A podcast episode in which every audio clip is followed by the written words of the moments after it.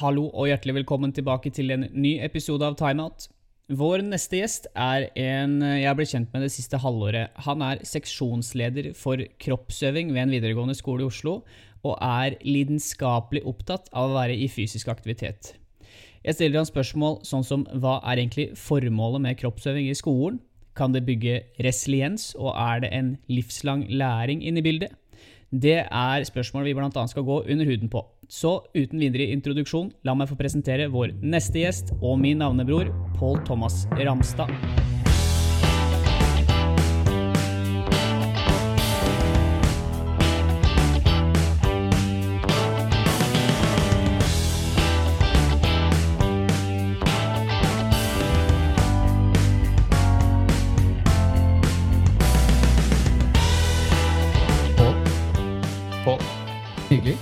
Hyggelig, ja. Hyggelig at du er her.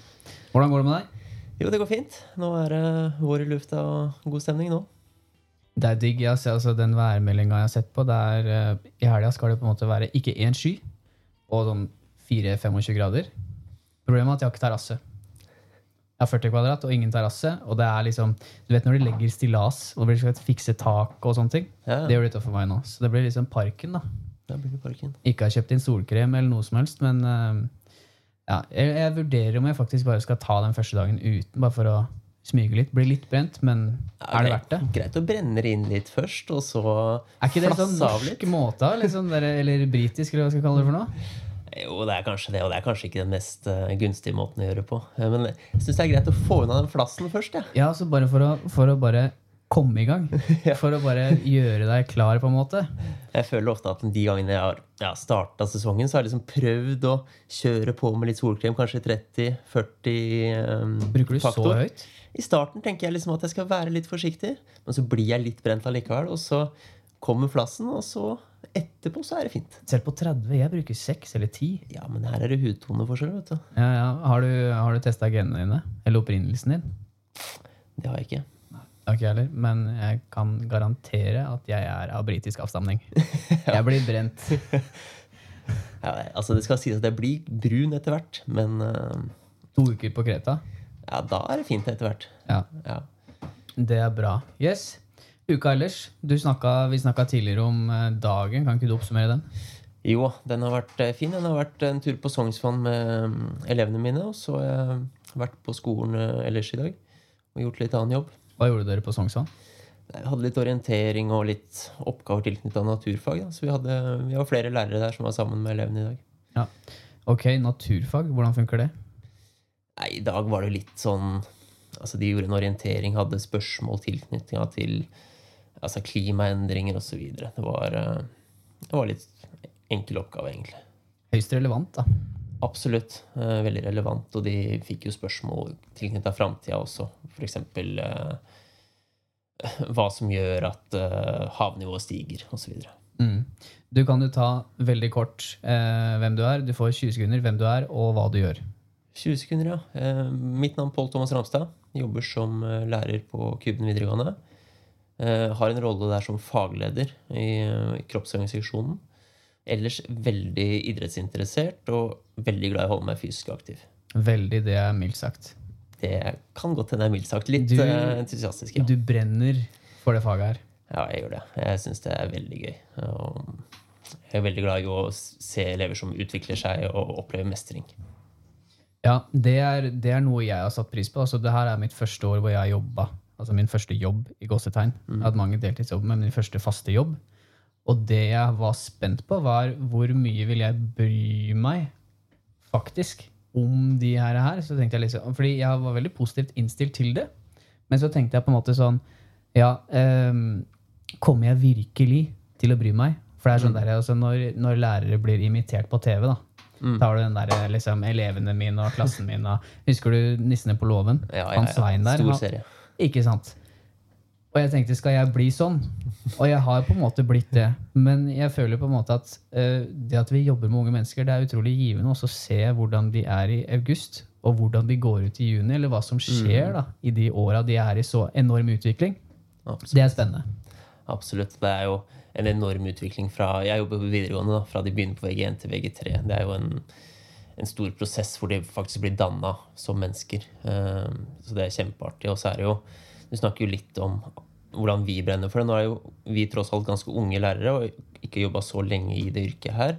Eh, så det er jo på en måte viktig å finne den formen.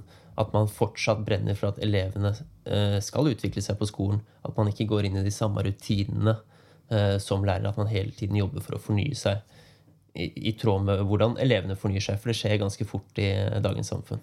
Absolutt. Hvor mange år har du jobba nå i skoleverket? Eller på videregående, da? På videregående så har jeg i hvert fall jobba på Kuben videregående nå i fire år.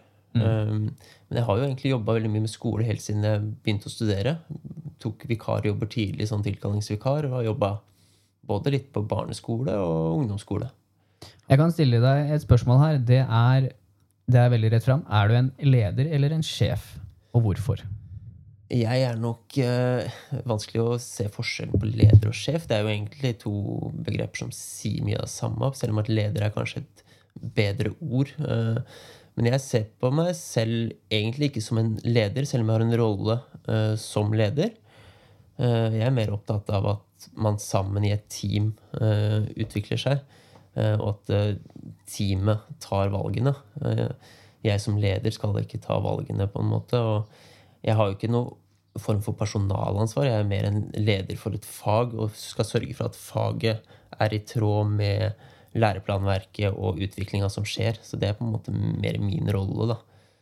Hvor mange er dere i teamet? Eh, vi er åtte stykker mm. per i dag. Åtte ulike individer?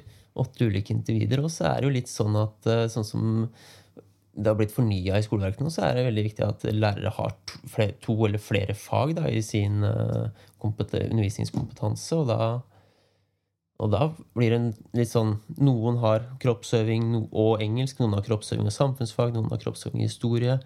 Og du har jo en litt annen vinkling. Du har jo kroppsøving og mer sånn helseorienterte fag. da. Mm. Så man blir jo litt forskjellige individer, som du sier. Ja. Men hvordan er det å koordinere alt det her? Altså, du har jo, fordi du sitter jo likevel med kabalen og hvem som skal gjøre hva. Til syvende og sist. Hvordan er det å koordinere alt det her med La oss si noen, eh, altså, noen er syke. Altså, de ringer deg klokka seks bare sånn du, jeg har lungebetennelse, jeg kan ikke komme. Hvordan Er det Er det et slit, eller er det på en måte, glir det lett? Hvordan er det du gjør det?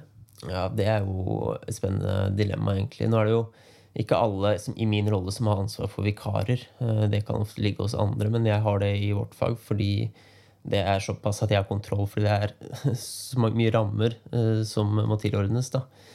Uh, så jeg, jeg, pleier som regel alltid å være tidlig på jobb, så hvis jeg ikke kunne få tak i vikar, eller noe, så er jeg på en måte tilgjengelig selv da, til å kunne steppe inn.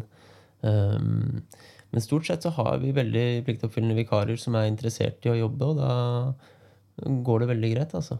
Det er litt enklere, da. altså nå er jo alle på en måte keen på jobb. Ja, så på en måte, det er jo liksom, Sier du nei, så, så kan du på en måte takke deg sjøl. Mm. Litt, da. Uh, men ja, altså Jeg kan tenke meg det har sine komplikasjoner, det å kunne koordinere, uh, koordinere et team, da. Mm. Ja, det er absolutt det. Og så er det jo det, som du sier, da, i forhold til at uh, takker du nei til en vikarjobb da, som uh, nyutdanna f.eks., så kan det faktisk være muligheten du mister til å få en fast ansettelse i framtida. Så når du får mulighetene som tilkallingsvikar, og sånn, så er, lønner det seg å gripe de, for det er sånn man kommer inn i, i systemet. Eh, og viser at du er en som takker ja til det meste, så får du ofte mer også. Ja. Mer og mer ansvar. Være på godsida, rett og slett? Rett og slett tilbudssida er det. Tilbudssida. Men da får du også muligheten til å vise din kompetanse òg, ikke sant? Det er det som gjelder i praksis. Altså, du må vise deg fram, og så tenker jeg liksom, kanskje noe av det viktigste som vi ikke nødvendigvis får vite når vi går på skolen, da, det er, på en måte, det er flott at du har kompetanse, eller det er, liksom, det er i bånn, men vi får liksom ikke vite at hva, nettverket ditt det har faktisk enormt mye å si. Ja, absolutt. Ja. Eh, vi kan gå rett på kroppsøving. Det er derfor vi er her. Vi er her for å se hva er det vi kan hva er det vi kan klargjøre i form av at kroppsøving det er et fag som teller like mye som alle fellesfag. Matte, engelsk, samfunnsfag naturfag hva måtte være for noe, men allikevel så blir det på en måte ikke Det har ikke et så stort stempel da, i skolen eller hverdagen generelt. Nei, det har jo egentlig ikke det, og det har egentlig falt litt mer og mer bort. Og det har vært litt sånn sidestilt fra alle andre sånne fellesfag som du nevner der. Eh, Så vi har en jobb å gjøre for å få det mer eh, fram og tydeliggjort det. Og jeg tenker at det har litt sånn sammenheng med måten det har blitt undervist på også. Eh, Og så håper jeg nå at med fagfornyelsen, hvor man skal se flere fag i en helhet, at eh, det får en litt mer tydeligere rolle. Men jeg tenker kanskje at grunnen til at det har vært eh, litt sånn sidestilt, er eh, kanskje at det har vært veldig forenkla det de har gjort, at elevenes tilbakemeldinger eh, forklarer litt av hvordan faget er, at det ikke er så seriøst osv. Så, videre. så jeg tror det handler litt om undervisninga vi som lærere legger opp til. Eh, sånn at når elevene forteller om undervisninga de har hatt, da, så kanskje de forteller om hvor, mye gøy de hadde det i undervisninga, hva de har lært. Fordi kanskje tidligere, hvis man tenker at de har drevet med ballidrett, spilt fotball og eh, sånn, så kommer de hjem kanskje sier ja, 'Hva gjorde dere i gymmen i dag?' Vi, ja, vi spilte fotball. Mens nå kanskje de ja, vi lærte oss eh, hvordan vi skulle skyte en layup, og vi lærte hvordan vi skal eh, trene utholdende styrke. Kanskje vi lærte hvordan man skal løpe intervaller. Og sånne ting. At man faktisk kommer hjem med noe lærdom av det man gjør. Fordi Vi kan ta en sånn liten historietime om kroppsøving. Kroppsøving ble jo på en måte introdusert til skoleverket etter første verdenskrig. Og da var det jo, altså da var det jo vanlig at de hadde Jeg tror de gikk på skolen til de var tolv, kanskje. Ja, jeg er litt usikker på det, men de hadde jo de hadde vel faget før eh, verdenskrigen òg. På 1800-tallet også hadde de jo et typ lignende fag, men da var det mer sånn at de ble trent opp til å bli soldater, rett og slett. Ja, det var militær kroppsøving. Militær altså, det var beinhardt. Vi snakka om dette her i fjor, eh, når jeg gikk pedagogikk. Ja. Og den historien kroppsøving har hatt. Mhm. Og det at på en måte det var pullups, dips, løp, svøm, bær. eh, Løp, altså krabb i, i, i dritten, liksom. Det var det du skulle gjøre. Mens så på en måte så har på en måte den utviklingen av faget vært som den har vært. Eh, Det har blitt mer og mer konkret. Og eh, altså fredstida kom eh, i 50-tallet, og så på en måte har det på en måte Så dabba det litt ut. fordi tenk når vi hadde kroppsøving, da. Kommer selvsagt an på hvor du jobba og hvilke lærere du hadde og sånt, men det var mye fotball. Det var mye liksom, det var bare lagidrett, og det var på en måte, det var ikke så bredt sånn som vi går inn i nå. da. Nei, det var ikke i nærheten av det. Og jeg kan legge til det altså, at eh, på den tida når du snakka om eh, militær kroppsøving, så hadde de jo også skyting som en del av eh, Hadde de det?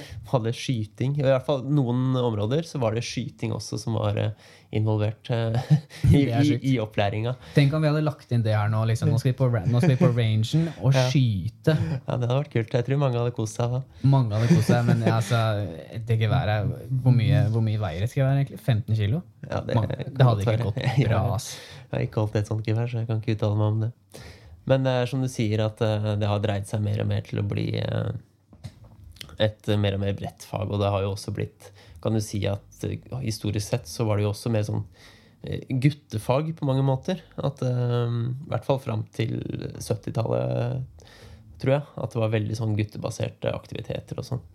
Så var det vel også kjønnsdelt en periode, hvis jeg ikke husker helt feil. Ja, vet du når? Jeg tror det var kjønnsdelt fram til 1960 omtrent. Fra mellomkrigstida. Ja.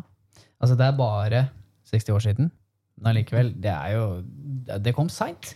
Ja, Tenk om vi hadde hatt det i dag. Altså, det, hadde ikke, det hadde ikke gitt noe mening i det hele tatt med det samfunnet vi lever i. Så det er jo spennende å se. Altså, ja, altså, elevene endrer seg, eller de utvikler seg. Og de finner ut hva som er eh, positivt og negativt med det, og det de liker å gjøre. Og samfunnet også er jo i stadig utvikling. Eh, formålet med kroppsøving? Ja, det er litt spennende, og det um, endres ikke så mye på nå i fagfornyelsen. Formålet er relativt eh, likt, og det handler jo om at eh, etter 13 år med skolegang, da elevene har kroppsøving i 13 år, alle eh, trinn, så er målet hele veien at de skal få en altså, livslang bevegelsesglede. At når de går ut av videregående skolen, så eh, skal de ha glede av å være i bevegelse. Eh, og de skal ha kompetanse til å kunne planlegge og gjennomføre egen trening da, og ta vare på sin egen helse. Det er på en måte formålet, kort sagt. da. Det er formålet. Men er det sånn? Jobbe for det. eh, at de skal ha den kompetansen. Eh, jeg, jeg tror at de som eh, står på mest i faget, får den kompetansen. Og nå kommer vi inn på et interessant begrep i faget, nemlig innsats. Fordi det er jo en del av vurderinga i faget. Og det er det som ligger til grunn for at du skal få kompetansen. Det er jo å legge inn innsats for å oppnå kompetansen med å ha bevegelsesglede. Og jeg sier ikke at alle har bevegelsesglede. Det, det er kjempevanskelig, og sånn, men målet må være det, og vi må legge til rette for at alle kan oppleve den gleden med bevegelse. Og Det er derfor det er så viktig at eh, hver enkelt elev finner sin aktivitet, idrett, hva det måtte være, som gjør at de liker å være i bevegelse. Og det er den jobben som er så viktig for oss som, for oss som lærer. Altså det med, det med sedattid, det at vi sitter mer stille eh, liksom Alt at vi har blitt mer At vi har blitt mer sittestillende og på en måte kosthold, det er på en måte en annen diskusjon. Men jeg tror allikevel at altså Formålet, det er fint. altså igjen, eh, Jeg tror ikke det er så mange elever som sitter og leser formål med hvorfor de har fag på videregående. La oss forholde oss til videregående, da. Ja. Du har gått inne på barneskole og ungdomsskole der, men la oss forholde oss til videregående. Jeg gjorde jo ikke det selv heller. Kanskje jeg gjorde det to siste ukene jeg, før jeg skulle ha eksamen selv. ikke sant? Men eh, jeg tror det er vanskelig å, å, skjønne poenget i en så hektisk hverdag som de har. Altså, videregående er forberedende til livet, gåsetegn. Altså ja. når du skal begynne å være selvstendig. Men jeg tror allikevel at det er så mye støy og så mange fag og så mange oppgaver, innleveringer, at på en måte man klarer ikke å konsentrere seg helt på det man gjør. Altså Man gjør liksom nok til å komme seg gjennom, og så på en måte glemmer du det. da. Mm. Hva har du å si der? Ja, det er egentlig litt uh, spennende å si. Men jeg tenker egentlig at uh, om det er så viktig at de kjenner til formålet eller ikke det er absolutt kjempepositivt hvis de har et godt uh, forhold til det. og så Spesielt de som går studiespesialiserende, tenker jeg, de får jo et godt bilde til formålet med å ha et sånt prosjekt som går på nettopp det her. At de skal planlegge og gjennomføre egen trening Eh, som er i tråd med hva de kommer til å drive med etter de er ferdig på videregående. Og da får du allerede der knytta opp formålet ganske greit. For de får jo også valgmulighetene til å gjøre de aktivitetene de ønsker. Så der er det at de kan velge Noen velger jo riding, noen velger svømming, noen velger De fleste velger styrke, for det er det mange kommer til å, å drive med. Men, eh, og noen velger fotball og andre idretter. Så de på en måte finner sin egen vei. Eh, og når de finner den veien, så tror jeg vi har nådd mye av formålet med faget også. Eh, og så får de den kompetansen innafor det området, så har, har, de noe å gå på etter videregående. Mm. Men du, du, sa det veldig bra der, at liksom de skal finne ut hva, hva, som passer dem. Altså Hva er det du er interessert i litt, i? litt, i, tråd med at man skal finne den der livslange bevegelsesgleden i det lange løp.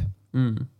Men hvordan, hvordan, klarer du å få fram det når du møter elever som er trøtte og umotiverte en kald januarmorgen? Altså, hva, hva, hvordan, hvordan, skal du få fram budskapet da? Ja, nei, jeg tror du må på en måte forenkle det eh, litt for noen. Eller for ganske mange, egentlig. At du må rett og slett ikke tenke så langsiktig til enhver tid. Da. Du må på en måte gjøre noe som kanskje er gøy der og da.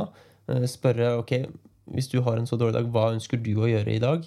Eh, og at vi er litt sånn fleksible som eh, lærere også. At vi ikke I dag er det dans, eller i dag er det er det ballidrett, for den saks skyld. At vi er litt fleksible og, og prøver å treffe elevene litt. Uh, allikevel så må vi ha klare, tydelige rammer på hva som skal læres, men at vi prøver å uh, treffe elevene på, på, hva de ønsker. Ønsker de ikke å være med i gymsalen, så er det jo av og til greit. Ok, men i dag som et unntak så kan du få lov til å trene litt uh, styrke hvis uh, du har en veldig dårlig dag og ja, er umotivert for å være med de andre. Vi må på en måte tilpasse hele veien til hver enkelt elev. Jeg er helt enig i måten du, måten du sier det der, at vi på en måte vi klarer å se mennesket. La oss si kjæresten din har slått opp med deg, da. Eller du har en ekstremt dårlig dag. Bare i dag funker det ikke. Og det å klare å rykke oss fordi det jeg har merka det året, er at da jeg kommer inn og jeg skal være sjef,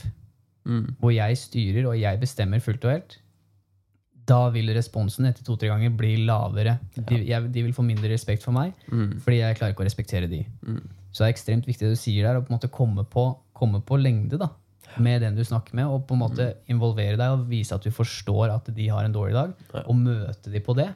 Det er ekstremt bra, det du sier der. Ja, det er kjempeviktig. Og så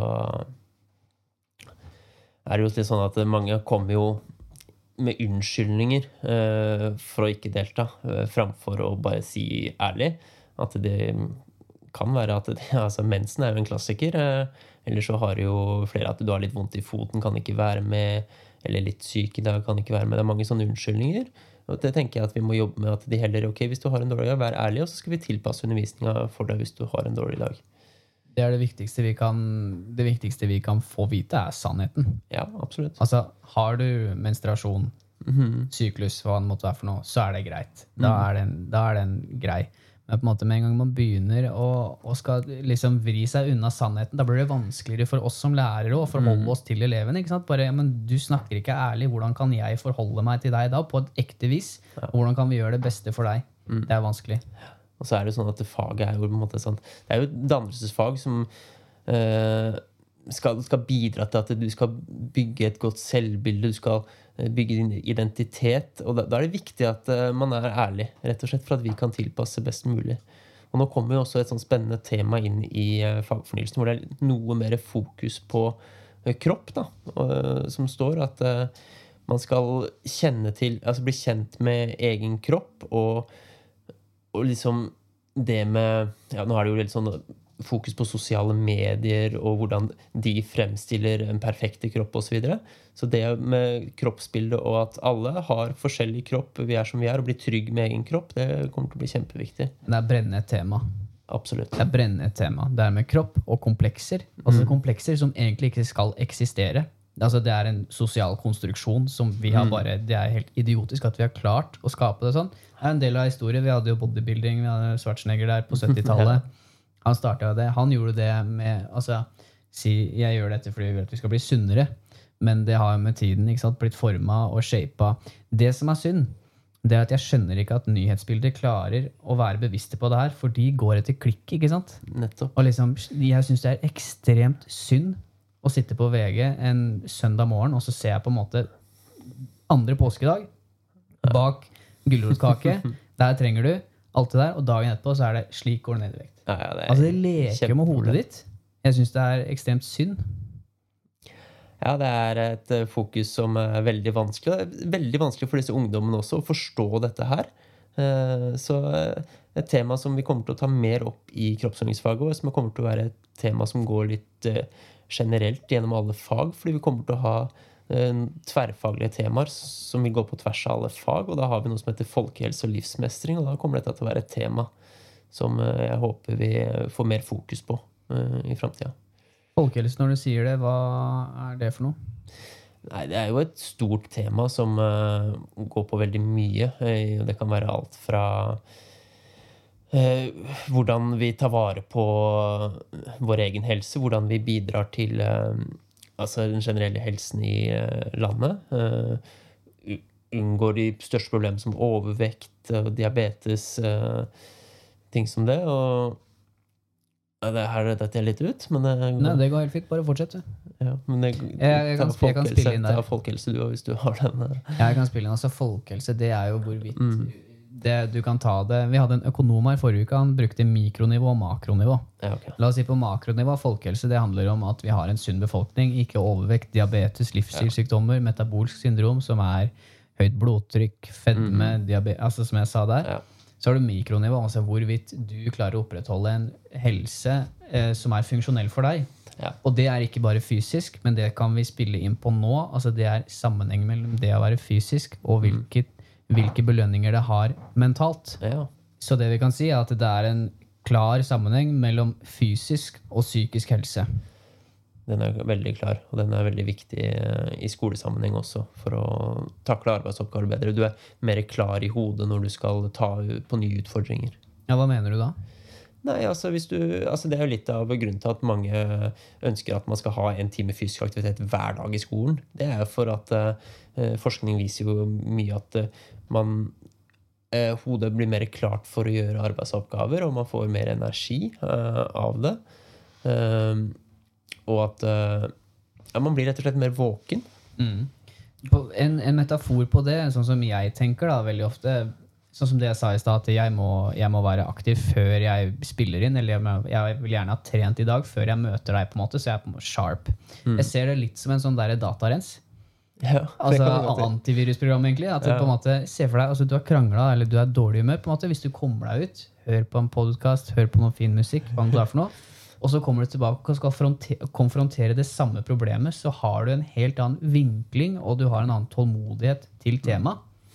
Og der er det en overføringsverdi til hvordan vi kan holde, oss, holde fokus gjennom skolehverdagen. Det er et kjempegodt uh, eksempel. Og det er i hvert fall jeg som er veldig avhengig av og litt sånn, kanskje litt for avhengig av å trene, så blir jeg ganske dårlig humør de dagene jeg ikke trener. Eh, Det er jo ikke en god egenskap, eh, fordi det er jo helt greit å ikke trene. Men hvis jeg har planlagt for trening, og det oppstår noe som gjør at jeg ikke kan trene, så kjenner jeg at eh, jeg liker det dårlig. Eh, I dag har jeg ikke trent, men i dag er jeg bevisst på det, så i dag er det helt, eh, helt greit. Altså Det er lov å hvile, det er ikke det vi sier. Vi skal ikke, vi skal ikke pumpe jern hele tiden. Nei, eller, på ingen måte. Absolutt ikke. Det handler om å ha en form for harmonisk lidenskap til trening. Eh, Så det er viktig at vi ikke Vi har forskjell på det og det som heter tvangsmessig lidenskap til trening, hvor man trener av fordi man eh, Ja, Det er basert på tvang, rett og slett. rett og slett tvang. Eller eh, dysfunksjonell trening. Ja. Jeg hadde, hadde Jorunn Sundgodt Borgen Ja. på besøk uh, i episode seks. ja. Og, hun, er, og stipendiatet hennes, Nina Sølberg, de er ekstremt flinke på spiseforstyrrelser, kroppskomplekser og sånne ting. Ja. Og de snakka om det med dysfunksjonell trening. Fordi vi oppfordrer jo alle til å være aktive, men så er det for enkelte, basert på gener, miljø, erfaringer, traumer, så på en måte blir det så blir treningen dysfunksjonell. At den, den, altså, budskapet går mot sin hensikt. Mm. Jeg tenker også at kroppsøving bygger resiliens. Og når jeg mener resiliens, så er det det i litt forstand at livslang læring at La oss si jeg er jo ikke glad i turn. Stiv som en pinne, lavt tyngdepunkt. Er ikke noe liksom, sånn rent, rent akademisk så imponerte ikke jeg læreren Nei. med turn og flikk og hva det måtte være for noe, saltår og stupekråke. Og så jeg var litt sånn pinglete der, da. Ja. Der, nå, nå snakker vi første klasse videregående. Nå syns jeg turn er kjempekult. ja, ikke sant? Men jeg turte jo ikke, eller jeg klarte ikke å stupe kråke. Nei. Jeg klarte det ikke. Og på en måte, Men læreren var så flink, involverte meg, fant metoder slik at jeg kunne klare uh, en rulle. Noe også læreren for så vidt skal gjøre. Ja. Legge til rette for de forutsetningene man har. Men så klarte jeg en rulle her, da. ja. Så tenker jeg, det, det har nok ikke vært noe Det er ikke, noe, det er ikke at det har vært avgjørende, men det at jeg har klart det, da, noe jeg har sett på som negativt, og klart å skifte det om til en lærdom av at vet du hva, det her klarer du, så turte jeg kanskje å rekke opp hånda da, i klasserommet. At jeg kanskje da turte å involvere meg mer eh, i en vennegjeng som jeg syns er interessant, f.eks. Så på en måte jeg tenker det har en overføringsverdi, og det at, det at vi bygger karakter, og, eller i hvert fall en del av karakteren, i, ved og, i kroppsøvinga. da. Mm, og det er egentlig et godt poeng, og det, det står det litt om i læreplanen også. At vi, vi, skal, eh, vi skal på en måte Man skal utfordre seg selv i faget og uh, tørre å gjøre ting man kanskje ikke er så trygg på. Det er faktisk en del av faget kroppsøving også. Så det er ikke sånn at kanskje jeg har vært litt ensidig i form av at vi skal på en måte finne hva du liker å gjøre, og sånn også, men det er også veldig viktig at man tør å gjøre nye ting. og sånn som du sier, da. Eh, ting man ikke klarer. Nye ting.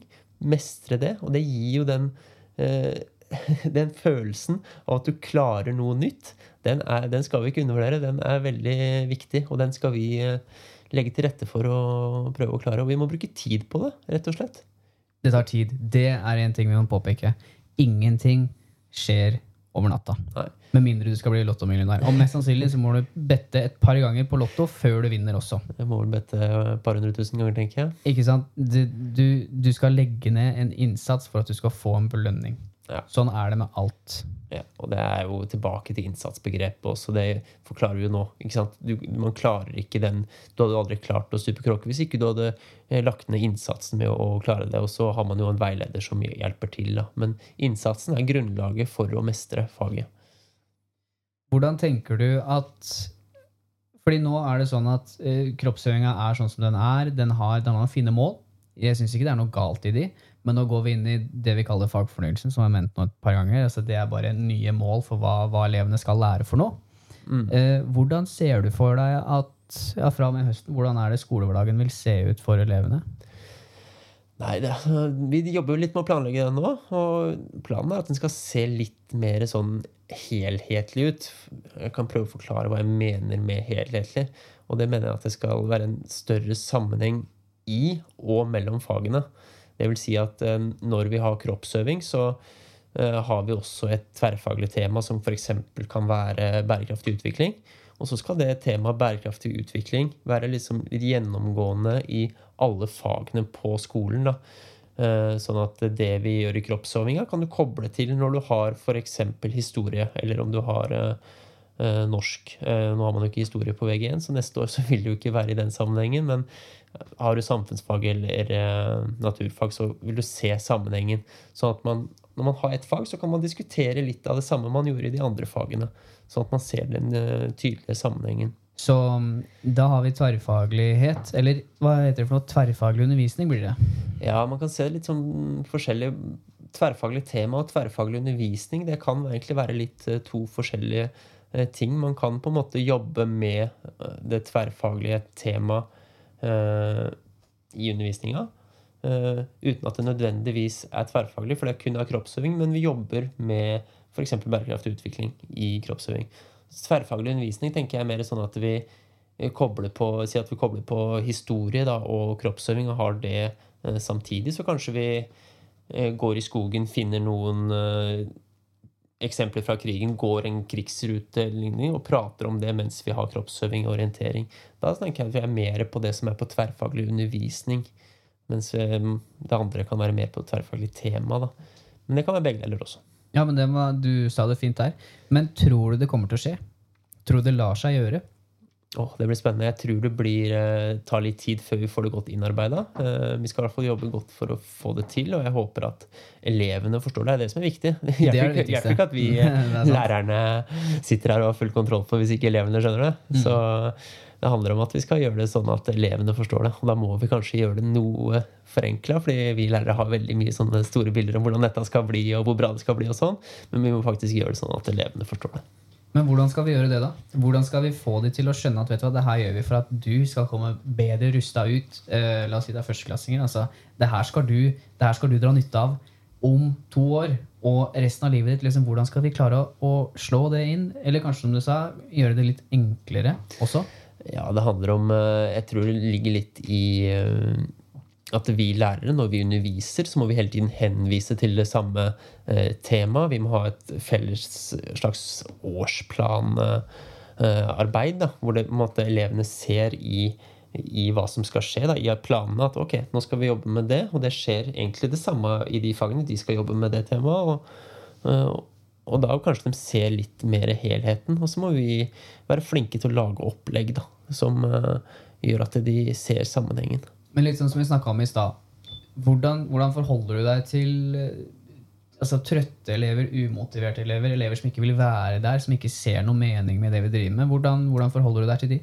Ja, det er egentlig også litt uh, kult, fordi det er jo det er jo et, eh, sånn Å treffe hver enkelt elev det klarer man ikke til hver enkelt undervisning. Man har jo gjerne 30 elever, og så skal man ha en aktivitet. og det er, det er helt sikkert at ikke alle syns det er eh, like gøy, men de må på en måte se hva læringa er i det her.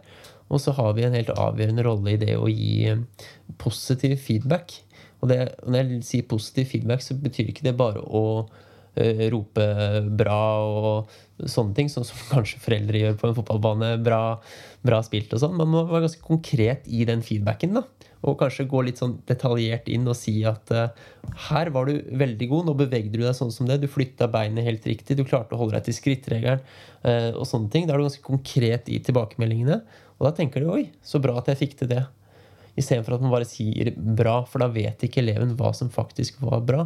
Så jeg tenker det er en veldig viktig rolle man har, og som kan bidra til at de syns det er morsomt. da, For da ser de uh, i større grad hva de får til. Men har du også fått beskjed om at, at det funker? Altså det at du er konkret og viser til noe viser til noe, som, noe spesifikt, som at vet du hva, der forholdt du deg til skrittregelen i basketball, og du hadde fin bue i, på ballen når du skjøt ned i kurven, på en måte, at de tar de til seg det bedre enn bare den derre ja, bra jobba eller flink.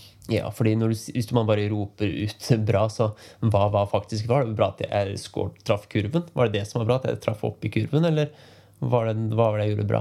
Og når du gjør dem trygge på hva de faktisk gjorde bra, så går man i mye større grad hjem med en god følelse. da, Eller tilbake i timen med en god følelse. Absolutt. Og det er jo noe, det er noe vi alle lærere kanskje må bli flinkere på.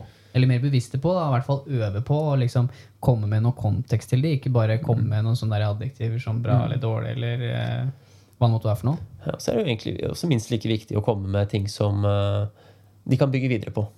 At det gir det positiv feedback. Så kan du også gi det noe å jobbe videre med.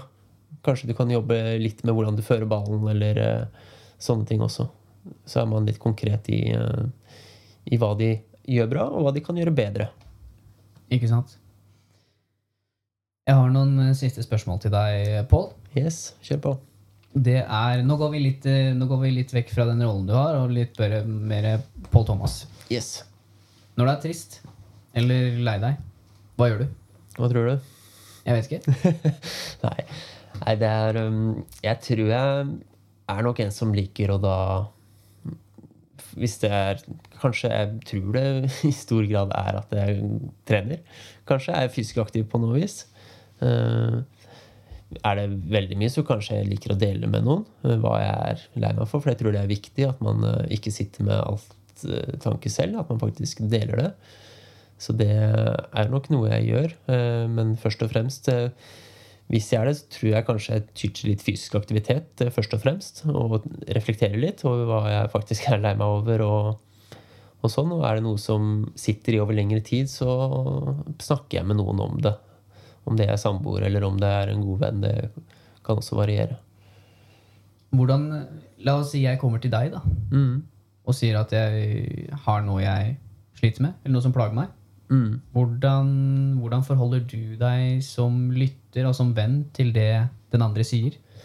Det er som, jeg, jeg blir jo en som vil lytte, først og fremst. Det tenker jeg er det viktigste. Uh, å høre hva uh, du er lei deg for, på en måte, og lar deg på en måte holde samtalen om hva som plager deg, hva som gjør deg trist, sånn at du får delt dine tanker rundt det. og så kan jeg komme med på en måte noen støttende ord og kanskje noen gode råd eller uh, hva som helst om uh, hva som kan være. Men jeg tror det viktigste er å bare lytte uh, til hva du har på hjertet. Mm. Og det tror jeg man kan gjøre hjemme også, bare hvis man ser at noen er lei seg. Spørre om det går bra. Det tror jeg er viktig at vi tør å gjøre. For det kan være ganske tøft å spørre. Å spørre om, å spørre om du har det greit? Ja. Ja, ja altså jeg tror jeg, tror, jeg, jeg, er helt enig. Jeg tror det er vanskelig for noen, fordi kanskje man tenker altså Hvis jeg har en venn som har eh, stå, ser ut som at han har stålkontroll, mm. men så ser du på en måte at noe ikke er helt greit. Liksom, Skal du spørre? Er du frekk? Er du liksom eh, Hvorfor spør du meg om det? Er det noe kanskje den personen selv ikke har, eh, er, er, oppmerksom på enda, men som du har lagt merke til i deres atferd? Det er en veldig fin balansegang, men jeg tror det viktigste vi kan gjøre, det er å senke terskelen for at Altså, Vi trenger ikke hele tiden å gå rundt og være supermenn.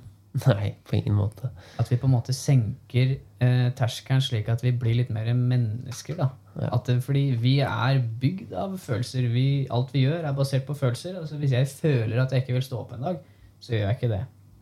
Men på en måte, så jeg tror det er det viktigste vi kan gjøre. At vi kan senke terskelen slik at vi kan fordele det. fordi det er, det er nesten bedre enn kanskje det å gå til veileda samtaler. Mm.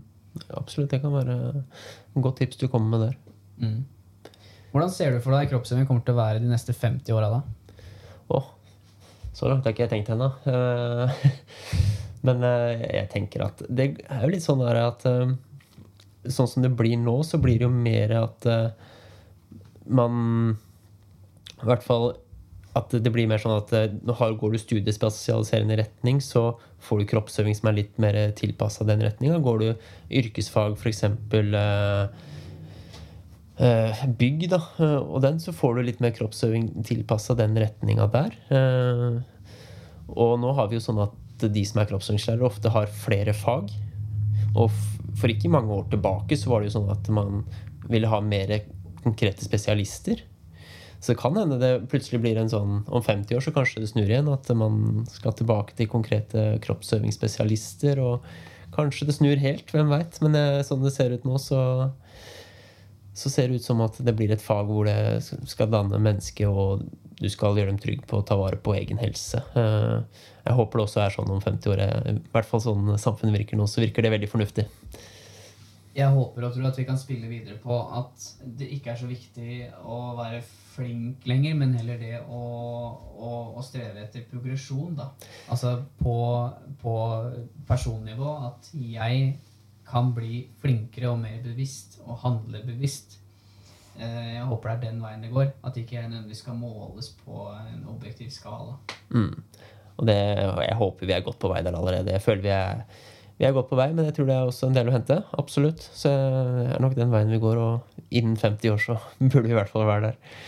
Så tenker jeg at uh, vi må se hvordan uh, samfunnet utvikler seg, og følge det trenden. Nå er det sånn at uh, fagfornyelsen kommer med jevne mellomrom. Nå er det jo en del år siden, det er vel 14 år siden sist det ble fornya, med en oppdatering i 2012, men de blir jevnlig oppdatert, så vi får se til neste fornyelse. Ja, Det blir spennende å se. Ja. Hvis du skal komme med et tips til de som begynner på videregående i august, hva har du å si? Jeg vil eh, si at du skal på en måte tørre å utfordre deg litt selv. Eh, tørre å ta litt del i undervisninga. Tørre å å, å, si litt Å være med i samarbeidet da, eh, i hvordan du ønsker det. Jeg mener at elevene har stor medvirkning på hvordan de selv kan få faget. Eh, så ta litt plass, si hva du selv eh, ønsker å utvikle deg på.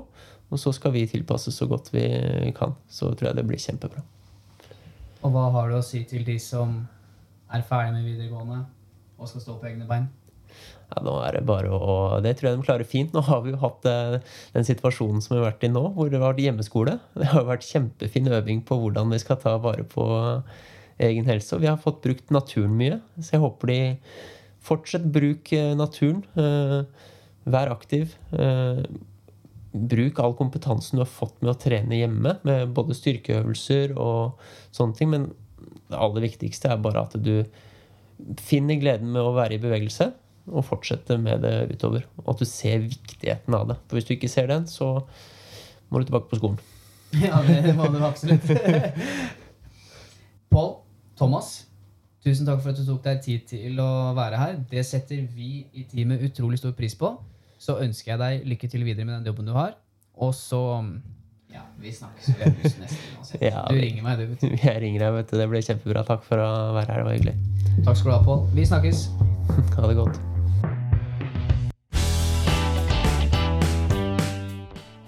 Tusen takk for at du tok deg tid til å høre på episoden. Det har seg sånn at uh, Paul Thomas og jeg vi synes begge det er viktig at budskapet om hvorfor vi har kroppsøving i skolen, og hvorfor vi har det over alle årene i grunnskolen og videregående, er viktig å få presisert. Det er en livslang læring inn i bildet av det å være fysisk, og det er så mange overføringsverdier vi kan ta med oss fra gymsalen eller ut i naturen inn i våre egne liv. Så med det ønsker jeg deg en riktig god dag videre, og ha det bra.